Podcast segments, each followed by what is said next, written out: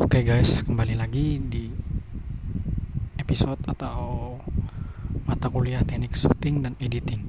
Kali ini kita akan membahas tentang color atau warna. Di mana pada materi sebelumnya saya juga telah membahas atau sedikit menyebutkan tentang bagaimana teknik dasar pengambilan gambar. Jadi kali ini kita akan sedikit membahas tentang warna atau color. Warna merupakan spektrum yang terdapat di dalam suatu cahaya sempurna berwarna putih. Identitas suatu warna ditentukan panjang gelombang cahaya tersebut. Sebagai contoh, warna biru memiliki panjang gelombang 460 nanometer.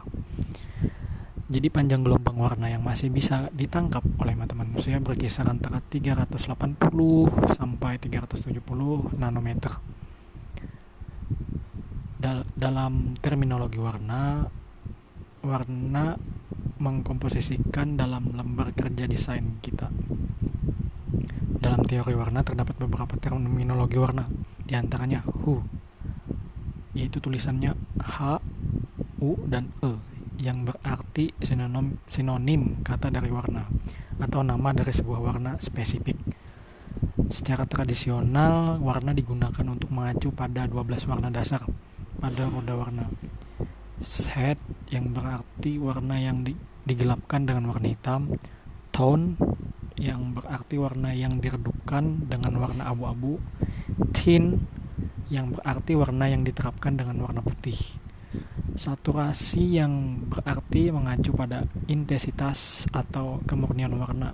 Semakin dekat warna akan mendekati abu-abu maka semakin terdesaturasi warnanya dan yang terakhir yaitu value yang berarti mengacu kepada keterangan atau kegelapan dari sebuah warna.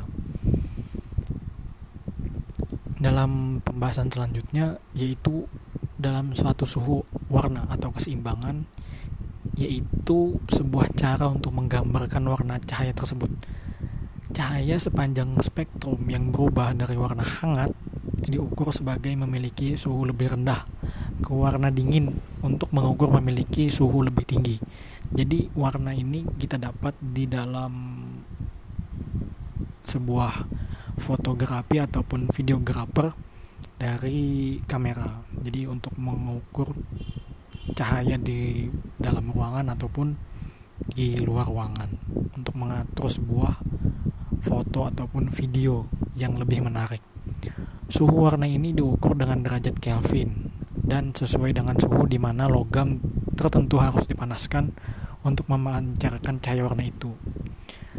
Jadi sebabnya itulah sebabnya suhu yang lebih rendah sebut saja 3000 K mengeluarkan cahaya hangat. Contoh warnanya kuning atau orange dan suhu tinggi yang berukuran 9000 K mengeluarkan cahaya warna kebiruan.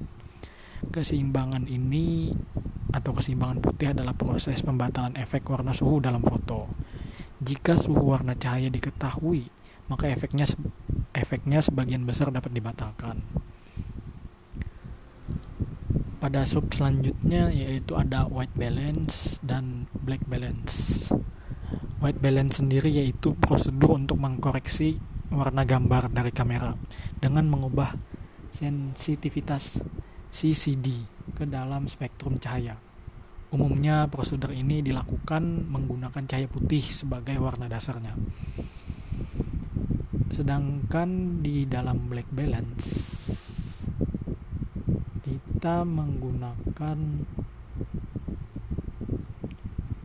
kita menggunakan atau melakukan pada awal sebelum kita melakukan pengambilan gambar bila mana filter dan gain level serta juga keadaan cahaya diubah atau berubah.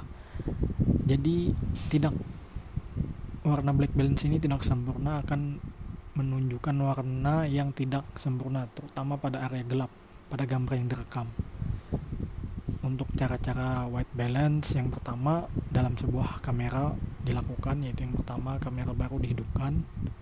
Selanjutnya keadaan cahaya berubah misalnya dari cahaya matahari cahaya buatan.